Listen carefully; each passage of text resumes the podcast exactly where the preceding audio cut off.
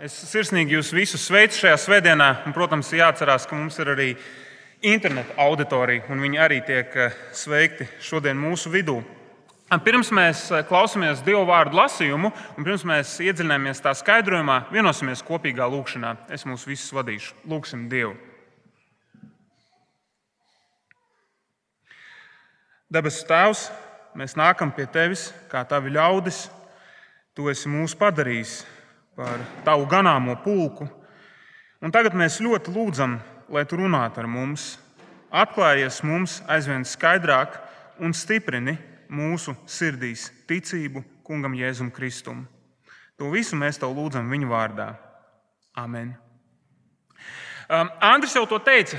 Šajā svētdienā mēs turpināsim mūsu svētdienas sēriju no apakstuļu darbiem.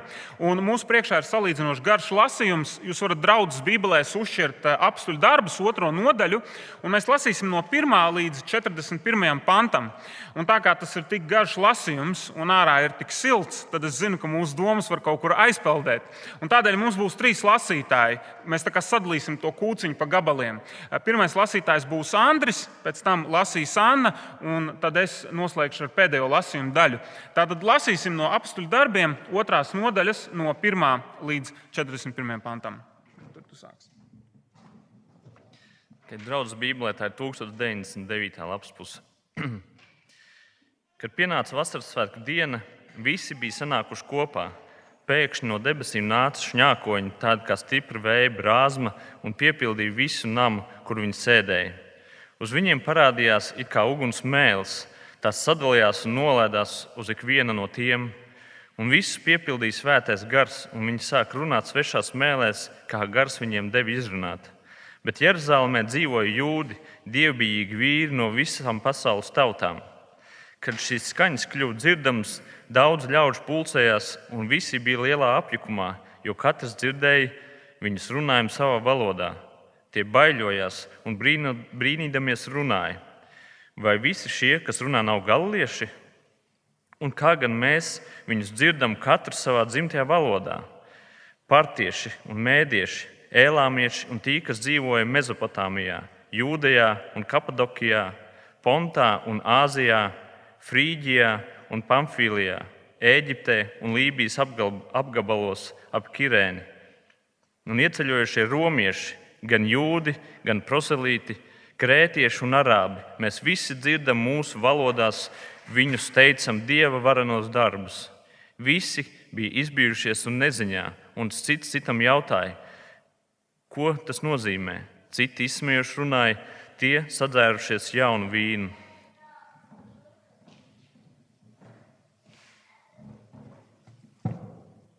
Bet Pēteris nostājies kopā ar tiem 11 Skaļā balsī uzrunāja ļaudis, jūdu vīri un visi, kas dzīvojat Jeruzalemē, lai tas jums to zināms.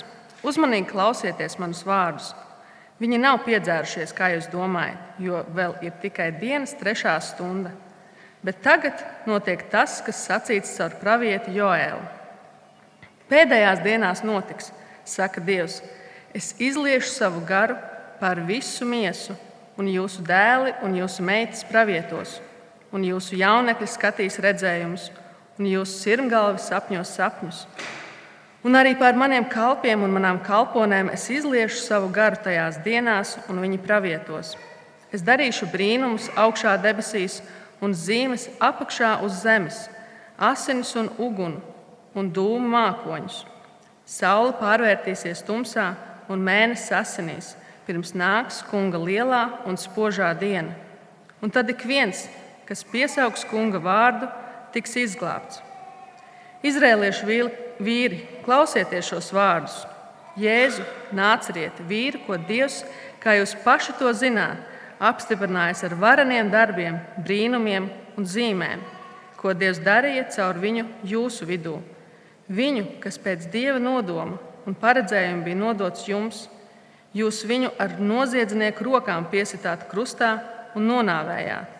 Dievs viņu uzmodināja no nāves sāpēm, raisīdams, jo nāve viņu nespēja paturēt. Dāvids par viņu saka: Es vienmēr esmu turējis kungu savā priekšā. tā ka viņš ir pie manas labās rokas, lai es neļodzītos. Tādēļ mana sirds līksmojas un mana mēlē gavilē, un arī mana miesa dusēs cerībā, jo tu nepametīsi manu dvēseli šeolā, nedz liksi savam svētajam pieredzēt iznīcību. Tu esi man darījis zināmus dzīvības ceļus, un tava klātbūtne piepildīs mani ar līgsmību.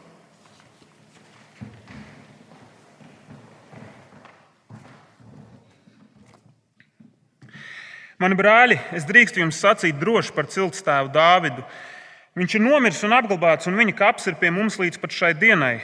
Pravietis būdams, viņš zināja, ka Dievs bija zvērējis kādu no viņa pēcnācējiem sēdināt viņa tronī. Paredzēdams to, viņš runāja par Kristus augšām celšanos, jo Kristus netika atstāts šeolā, nedz viņa miesa pieredzēja iznīcību. Redzi, šo Jēzu Dievs ir augšām cēlis, tam mēs visi esam liecinieki ar Dieva labo roku paaugstināts un saņēmis no tēva apsolījumu par svēto garu, viņš to izlēja, kā jūs redzat un dzirdat. Dāvids gan neuzkāpa debesīs, tomēr viņš saka, Kungs sacīja manam kungam, sēdies man pie labās rokas, līdz es lieku tavus ienaidniekus par kājsoli zem tavām kājām. Lai viss Izraēla nams tad nu nešaubīgi zina, ka Dievs lika viņu par kungu un Kristu, šo Jēzu, kuru jūs piesatāt krustā. Šie vārdi sāpīgi iedzēla viņu sirdīs, un tie jautāja Pēterim un pārējiem apstuļiem, ko lai mēs darām, brāļi? Tad Pēters tiem sacīja: Atgriezieties no grēkiem, un lai jūs ik viens to pat kristīti Jēzus Kristus vārdā, grēku piedošanai, un jūs saņemsiet svētā gara dāvanu. Jo šis ir apsolījums jums, jūsu bērniem un visiem, kas vēl ir tālu, ko pieaicinās Kungs mūsu Dievs. Viņš liecināja vēl ar daudz citiem vārdiem un to smudināja: glābieties no šīs samaitātās paudzes. Tie, kas viņu vārdus pieņēma, tika kristīti, un tajā dienā viņiem piepildījās ap 3000 dvēseli. Un viņi bija uzticīgi apstuļu mācībai, sadraudzībai, maizes laušanai un lūgšanām. Un patiesi šis ir dzīvā Dieva vārds. Paldies Andrim un Annai par, par lasīšanu. Kā tas ir ierasts, es aicinu jūs nevērt ciet Bībeli, bet turēt viņu vaļā, jo mēs svētdienas laikā pietiekami daudz atskatīsimies uz tekstu. Jo galu galā es šeit neesmu atnācis pats sevi sludināt, mēs mācām Dieva rakstus. Un, ja jums tas nodara, tad dievkalpojumu lapiņā ir arī svētdienas lapiņa. Tur var likties, ka ir baigi daudz punktu, bet mēs centīsimies pēc iespējas ātrāk un kompaktāk viņiem tikt cauri. Nu, ko, tad eh, šodienas, šodien mūsu priekšā ir viena raksturvieta no apakstuļu darbiem, kas ir gana populāra, un viņa vēsta par kādu svarīgu notikumu draudzes dzīvē. Proti, runa ir par vasaras svētku notikumu. Eh, Bībele mums māca to, ka Dievs ir trīsvienīgs. Ir viens Dievs, ir Tēvs, Dēls un Svētais Gars. Un lūk, vasaras svētku notikumā Dieva trešā personas svētais gars, viņš iemājo pirmajos Jēzus mācekļos. Un Kristīgā baznīcā ir pieņemts klasiski uzskatīt, ka vasaras svētku galvenais varonis ir svētais gars. Un no vienas puses tā jau arī ir. Bet precīzāk teikt, būtu tā, ka svētais gars nav galvenais varonis vasaras svētkos. Tas bija liels pārsteigums, kad es gatavoju šo svētdienu. Es, es skatījos, un es domāju, un es ieraudzīju, ka svētais gars tur ir, bet galvenais varonis vasaras svētkos ir Jēzus. Mēs detalizētāk pārdomāsim šo fragment, ko mēs nolasījām, bet jau lasot, jūs dzirdējāt, visvairāk tur tiek runāts par Jēzu. Visu laiku tiek uzsvērts Kristus vārds. Un tādēļ arī šodienas galvenais vēstījums ir saistīts ar Jēzus personu.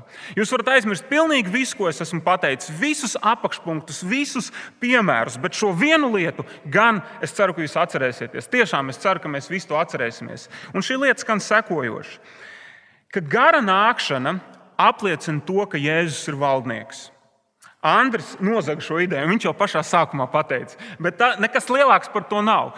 Svētā gara atnākšana ir apstiprinājums tam, ka Jēzus ir valdnieks, kurš glābj. Līdz ar svētā gara atnākšanu pasaules vēsturē pamainās lietas. Dieva glābšanas plānā iestājās jauna fāze. Ar svētā gara atnākšanu Dievs sāk glābt cilvēkus caur Jēzu. Ir divi svarīgi panti. Pareizāk sakot, vairāki panti, bet divas vietas, uz kurām es gribu, lai jūs paskatāties. Paskatīsimies uzmanīgi uz 32. un 33. pantu. Jā, tas ir tā viens no secinājumiem. Pēters teica, redzi, šo Jēzu Dievs ir augšām cēlis Tam mēs visi esam liecinieki. Ar Dieva labo roku paaugstināts un saņēmis no tēva apsolījumu par svēto garu, viņš to izlēja, kā jūs to redzat un dzirdat. Un tagad 36. pāns. Tā ir tā kā nagla iekšā dēlīs secinājums. Skatāmies uz 36. pāntu. Lai viss Izraēla nams, tad nu nešaubīgi zina, ka Dievs lika viņu par kungu un Kristu, šo Jēzu, kuru jūs piesitāt krustā. Ļoti interesanti. Mēs kā runājam par svēto garu, bet visa uzmanība ir Jēzum. Jēzus nav vienkārši pravietis. Jēzus nav vienkārši ceļvedis.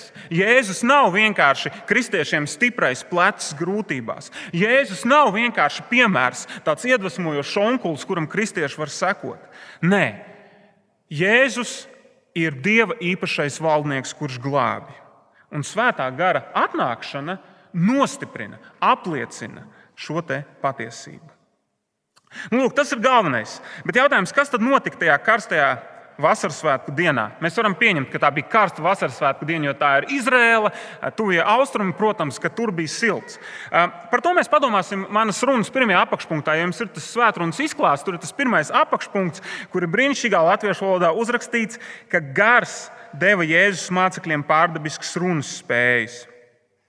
Nu, lūk, Jēzus mācekļi ar apstuļiem ir sapulcējušies Jeruzalemē un viņi tur ir sapulcējušies ar īpašu misiju. Jo Jēzus viņiem apsolīja, ka nāks svētais gars. Un interesanti, ka noliktajā laikā svētais gars arī atnāca. Un ļoti interesanti, ka mums pat tiek precīzi pateikts laiks, kad tas notika. Mēs citreiz lasām Bībeli, un mēs tā kā pājam garām. Mums liekas, ka nu, Bībele jau vienmēr kaut ko vēsturisku pasaka. Bet īstenībā tas ir baigi nozīmīgi. Paskatieties uz pirmo pantu. Jā, ļoti labi mēs visi skatāmies. Kad pienāca vasaras svētku diena, visi bija sanākuši kopā. It kā viens pāns, bet tur ir nozīmīga ideja. Apstuļu darbu grāmatas autors pieiet vēsturiski lietām.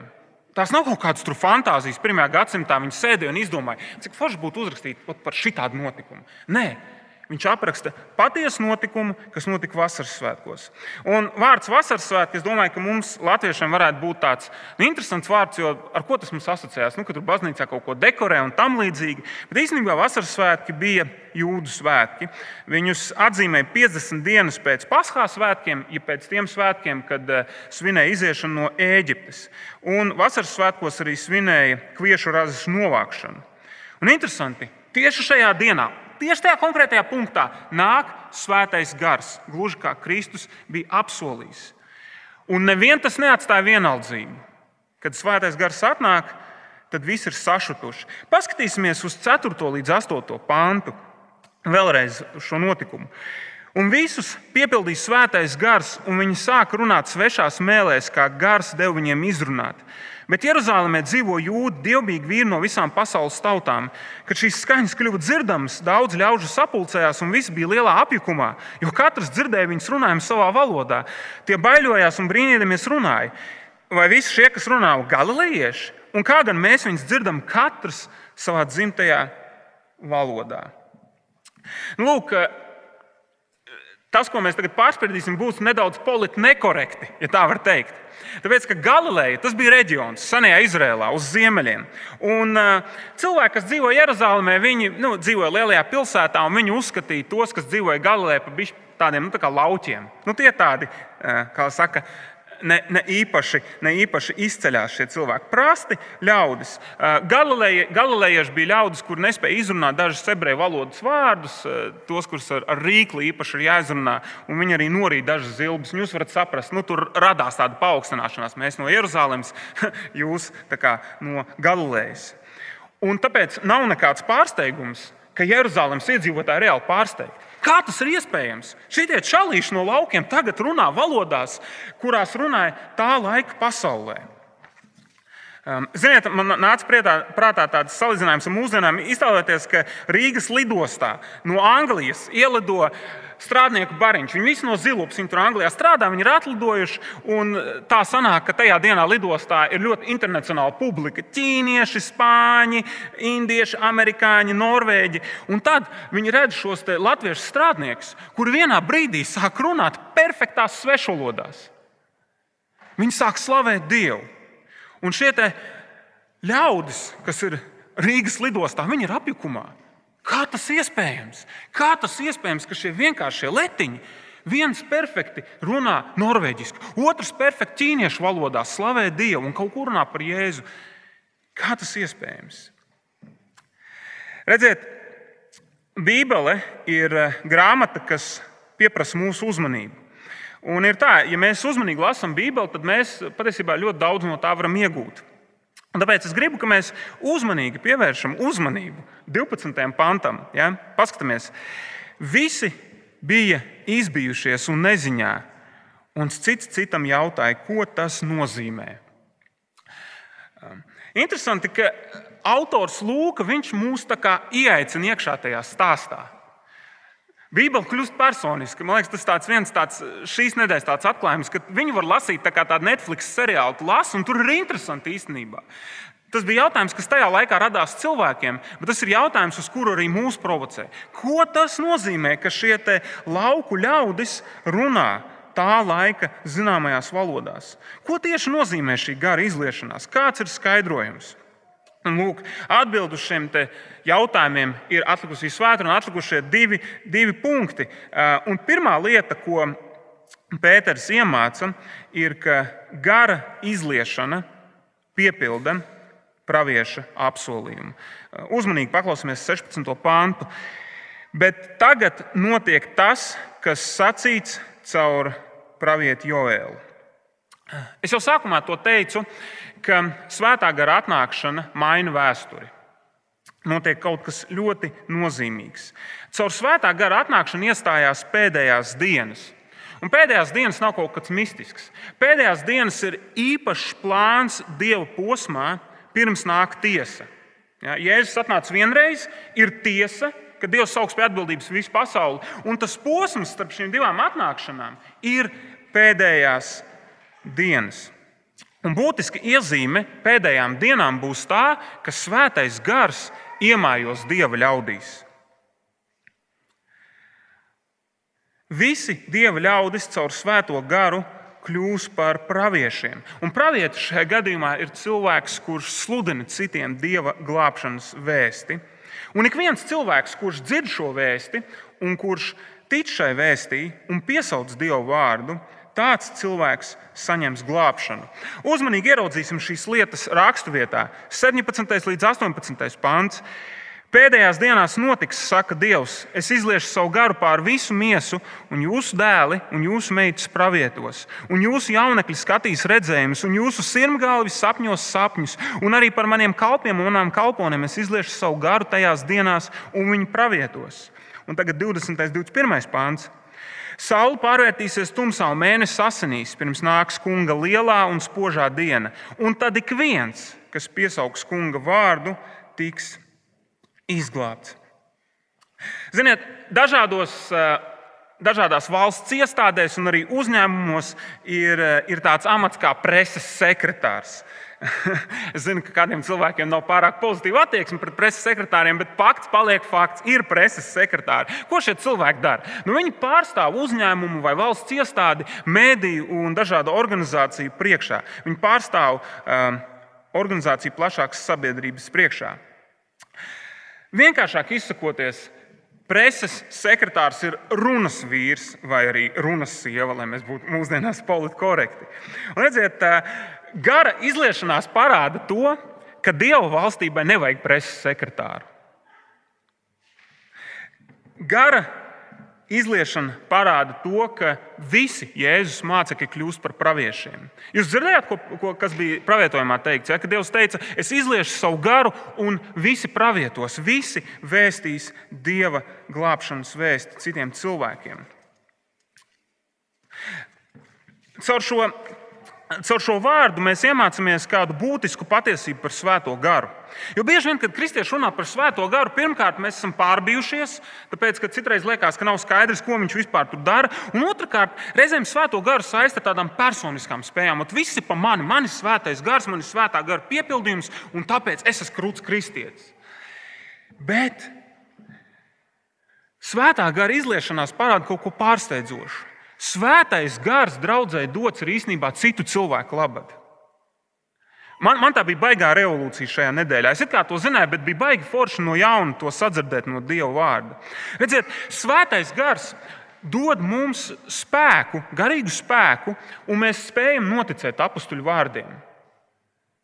Kad svētais gars nāk pār cilvēku un kad viņš viņu padara par kristieti, tad Bībeles vārdi nav vienkārši tāda vēsturiska informācija, tā ir patiesība. Tu to saproti, tu ieraugi, kā tas attiecās uz tevi. Bet ar to viss neapstājās. Jo svētais gars ir dāvāts draudzēji, lai draudzene nestu glābšanas vēsti tālāk citiem cilvēkiem.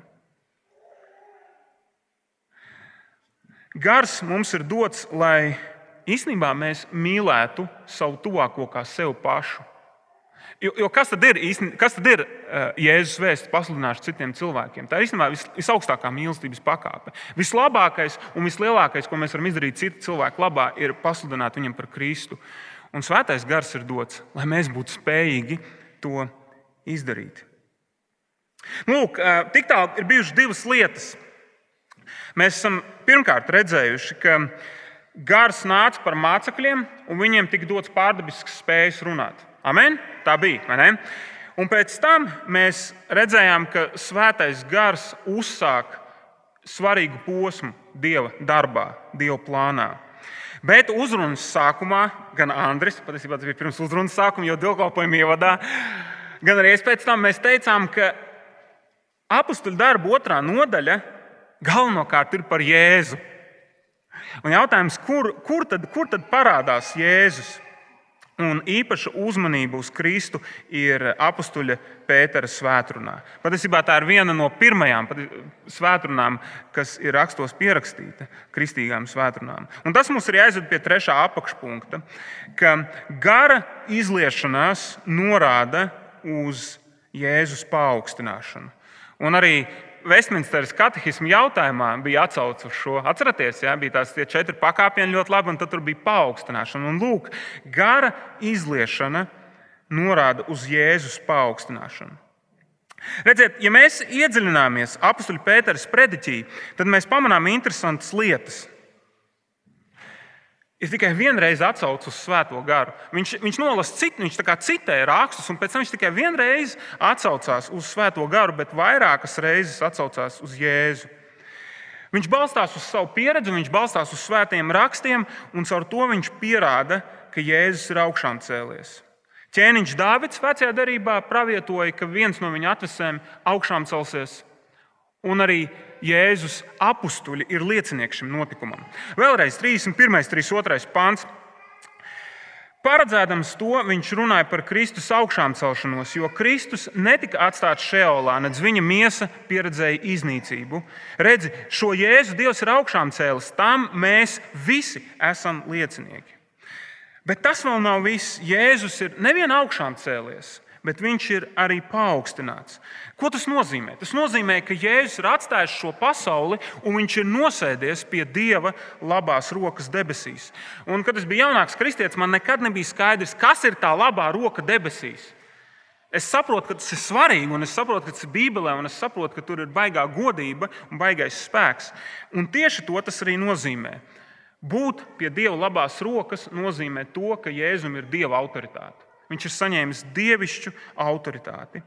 Un esot šajā stāvoklī, Jēzus ir devis svēto garu draudzēji. Šo pašu garu, kurš ir aprakstīts šodienas raksturvietā. Un gara atnākšana ir apliecinājums tam, ka Jēzus valda. Un būdams valdnieks, Jēzus glābi cilvēkus no viņu grēkiem. Jēzus glābi caur grēku piedošanu, un Jēzus glābi caur svētā gara došanu. Paskatīsimies pašu uz raksturvietu, 33. līdz 36. pāns. Ar Dievu labo roku paaugstināts un saņēmis no tēva apsolījumu par svēto garu, viņš to izlaiž, kā jūs redzat un dzirdat. Dāvids gan neuzkāpa debesīs, tomēr viņš saka, Kungs sacīja manam kungam, sēdies man pie labās rokas, līdz es lieku tavus ienaidniekus par kājsoli zem tavām kājām lai viss Izraēla nams tad nu nešaubīgi zina, ka Dievs lika viņu par kungu un Kristu šo Jēzu, kuru jūs piesitāt krustā. Un 38. pāns. Tad Pēters tiem sacīja: atgriezieties no grēkiem, un lai jūs ik viens to pat kristīt Jēzus Kristus vārdā grēku piedošanai, un jūs saņemsiet svētā gara dāvanu. Šajā sakarībā man liekas ļoti labi nodara kāds piemērs no sporta pasaules. Pirms sportists ir sasniedzis nopietnus rezultātus, cilvēki maz par viņu runā. Kad mūsu pašu Kristaps Porziņš vai Dāvid, kāds Dāvids, Dāvids Bērtāns trenējās un auga, es domāju, ka par viņiem zināja salīdzinoši maz cilvēku. Nu, tur treniņš liepājā un kurā, kurā klubā vai sporta skolā spēlē Dāvids, Dāvids, es nezinu. Bet tagad, kad šie vīri sasnieguši zināmas virsotnes basī, tā par viņiem runā. Runā ārzemēs un runā par mums, pie mums Latvijā arī. Un redziet, vasaras svētku notikumā lielas publikas priekšā apustulis Pēteris bez kauna, ar simtprocentīgu skaidrību, ar simtprocentīgu pārliecību runā par Jēzu. Runā par viņu kā par augšām celto valdnieku glābēju. Gara izliešanās ir nepārprotams pierādījums, ka ir iestājies glābšanas laiks. Un tas nav kaut kas abstrakts. Glābšana ir pieejama tikai caur kungu Jēzu Kristu. Nu, lūk, mūsu svētdienas sērijas lielā tēma ir draudzene. Mēs aplūkojam apstuļu darbu grāmatas pirmās nodaļas un mēs jautājam, ko šīs nodaļas mums iemācīja par draugu. Pagājušajā reizē mēs mācījāmies par to, ka draudzene ir būvēta uz stipra pamata. Ja? Tas nav uz kaut kāda LEGO pamata. Mēs esam celti uz Jēzus apstuļu mācības. Un, un šajā svētdienā mēs domājam par to, kas ir kristīgās draudzes vēsts būtība. Un īstenībā tas ir diezgan vienkārši pasakāms. Tas ir dziļš apgalvojums, bet viņu var ļoti vienkārši izteikt. Trīs vārdi, kāds varbūt zina, Jēzus ir kungs. Jēzus ir kungs. Tas ir principā tieši tas pats, ko Pēters pateica savai auditorijai. Viņš teica, lai visi nešaubīgi zina, šis Jēzus, kur jūs piestāt krustā, Viņš ir augšām cēlies, un viņš ir glābējs, viņš ir kungs. Un, ziniet, no šīs raksturvietas mums ir jāpaņem viens secinājums, un tas ir arī ierakstīts jūsu dievkalpojuma lapiņā, ka Dievs mūs mudina būt konkrētiem mūsu ticībā. Es pateikšu vēlreiz. Dievs vēlas, lai viņa draudzene ir konkrēta un skaidra attiecībā uz Jēzu, kuram viņa tic. Pirms kāda laika es uh, lasīju uh, Francisa Šēfera grāmatu. Es zinu, ka kādu no jums ar viņu pazīstam. Viņš ir 20. Uh, gadsimtā bijis populārs kristīgs domātājs un arī kristīgās ticības aizstāvis. Un viņam ir tāds viens baiglabais teikums. Es viņu tagad pateikšu, un es nezinu, vai viņš, vai viņš izklausīsies tik labi, kā man viņš likās, bet nu, es viņu teikšu tik un tā. Francis Šēfers saka sekojošo: Vārds Jēzus ir Jēzus pats lielākais ienaidnieks. Es pateikšu vēlreiz. Vārds Jēzus ir Jēzus pats lielākais ienaidnieks. Redziet, daudzi cilvēki šajā pasaulē var teikt, ka viņi tic Jēzum un viņi sludina Jēzu. Bet mums jājautā šis jautājums, un šitie nav nekādi joki. Tas ir mūžīgās dzīvības, mūžīgā dzīve, ir likta uz, uz svara. Ko tas nozīmē, ka tu saki, ka tu tici Jēzum? Ko tas nozīmē, ka jūsu draugs saka, ka viņa tic Jēzus Kristus evaņģēliem? Un tas nemaz nav tik vienkārši atbildams jautājums. Tas ir jautājums, kas tomēr prasa aizdomāties. Redziet, būs cilvēki, kas teiks, Jēzus ir kungs, tā ir, bet uh, mums arī vajag godināt un pielūgt jauno Mariju. Halo! Tas, tas, tā, tā nav apustuliskā vēsts. Būs cilvēki, kur teiks, jā, Jēzus tiešām bija īsts cilvēks. Nu kā, vēsture to apliecina, kurš gan mūsdienās to nolieks, vai ne? Bet paga, paga, paga, paga. Nu, nebūsim tie vecmodīgie cilvēki, kas saka, ka viņam ir dievišķa autoritāte. Nu, viņš bija īsts cilvēks, un varbūt kaut ko labu mēs varam mācīties no viņa morālās dzīves, bet nu, dievišķa autoritāte tādas lietas jau nav. Ok, būs cilvēki, kas teiks, ka pārdaugaus draugi, malači, jūs ticat grēku piedošanai, ejam kopā par Jēzu Kristu. Bet, ziniet, kā, tad, kad tu tici Kristum, tad viņš sāk reāli mainīt tavu dzīvi, un viņš tev dod labklājību, un viņš tev dod uzvaru. Un, ja tev nav uzvaras dzīvē, tad tavu ticību Jēzum klibo. Pagaid, stop, tas ir apstulskais Jēzus. Nē, bet pagaidi, nopietni, tas ir apstulskais Jēzus. Protams, ka nav. Un tad būs cilvēki, kas teiks, Jēzus mīlestība ir pati brīnišķīgākā lieta, kas var būt šajā pasaulē. Un mēs tajā klausāmies un mēs sakām, Amen. Nu, Kristus mīlestība tas ir kaut kas liels, kaut kas neapsrakstāms. Un pēc tam šie cilvēki izvilks savu īsto kārtu. Viņi pateiks, bet tad jau vienzimuma laulības arī ir ok. Nu kā, ja Jēzus, Jēzus mūs mīl, viņam patīk mīlestība, tad jau arī mīlestība starp vienzimumu pāriem ir ok. It kā liekas vienkārši, bet patiesībā nav nemaz tik vienkārši. Jēzus ir kungs. Bet ko tas nozīmē? Ko tas nozīmē? It kā viens Kristus, bet būtībā dažādas ticības. It kā viens Jēzus, bet tik atšķirīgi saturi. Un tāpēc, mīļā draudzene, mīļais Miroslavs, mīļais brāl un māsa, būsim noteikti mūsu izpratnē par Jēzu. Nevis izplūduši, nevis politkorekti, bet konkrēti. Un jautājums, ko mēs varam no Pētera iemācīties? Jo viņš šeit mums definē kristīgo vēsti. Pirmkārt, Jēzus ir vēsturiska persona. Viņš tik tiešām dzīvoja, viņš nomira, viņš augšām cēlās, viņš uzkāpa debesīs. Jēzus ir dievišķa persona.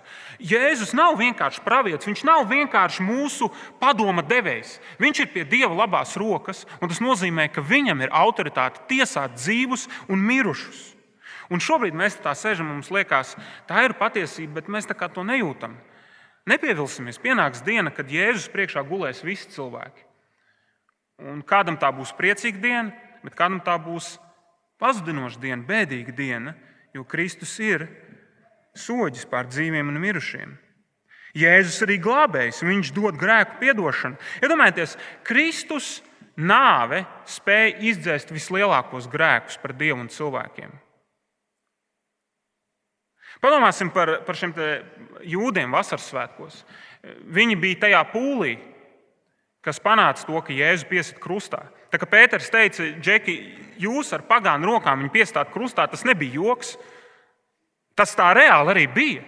Un šiem cilvēkiem, un šiem cilvēkiem viņš saka, ja jūs noticat Kristum, jums viss tiks piedots. Visi jūsu grēki kancelēti, nav vairāk viņu.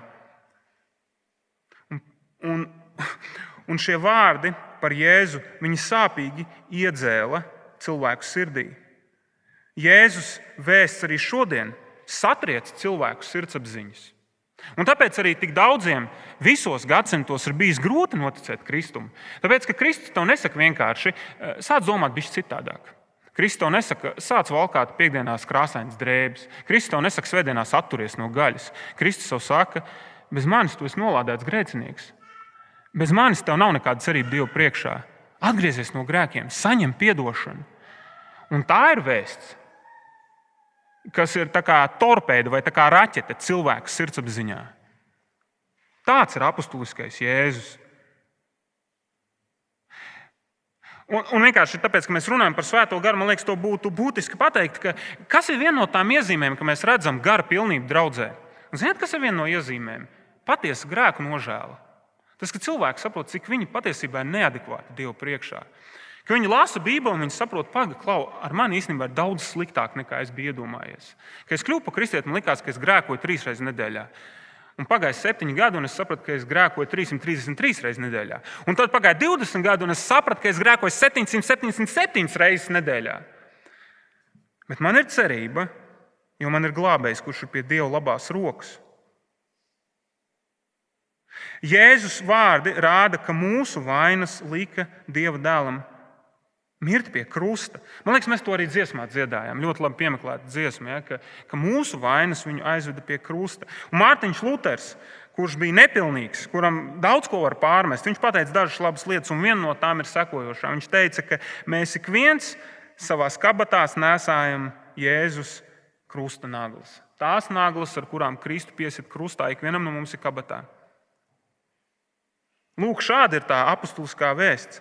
Jēzus ir vēsturiska persona, viņš ir dievišķa persona, viņš ir glābjoša persona, un šādam Jēzum arī mēs esam aicināti ticēt. Ja mēs tādam ticēsim, tad mēs arī tādu pasludināsim citiem. Un, protams, svētā gara izliešanās atgādina vienu būtisku patiesību. Es jau vairākas reizes šīs lietas saku, bet nu, lai nu ir. Paši savā spēkā mēs nespējam Kristum noticēt. Tieši tāpēc arī Dievs mums deva garu, lai mēs spētu noticēt, lai mēs spētu uzņemt apstuļu vēsti, lai mums būtu drosme šo apstuļu vēsti arī nest citiem cilvēkiem. Lai Dievs mums palīdz palikt šajā pārliecībā no šī laika un arī mūžīgi. Vienosimies lūgšanā.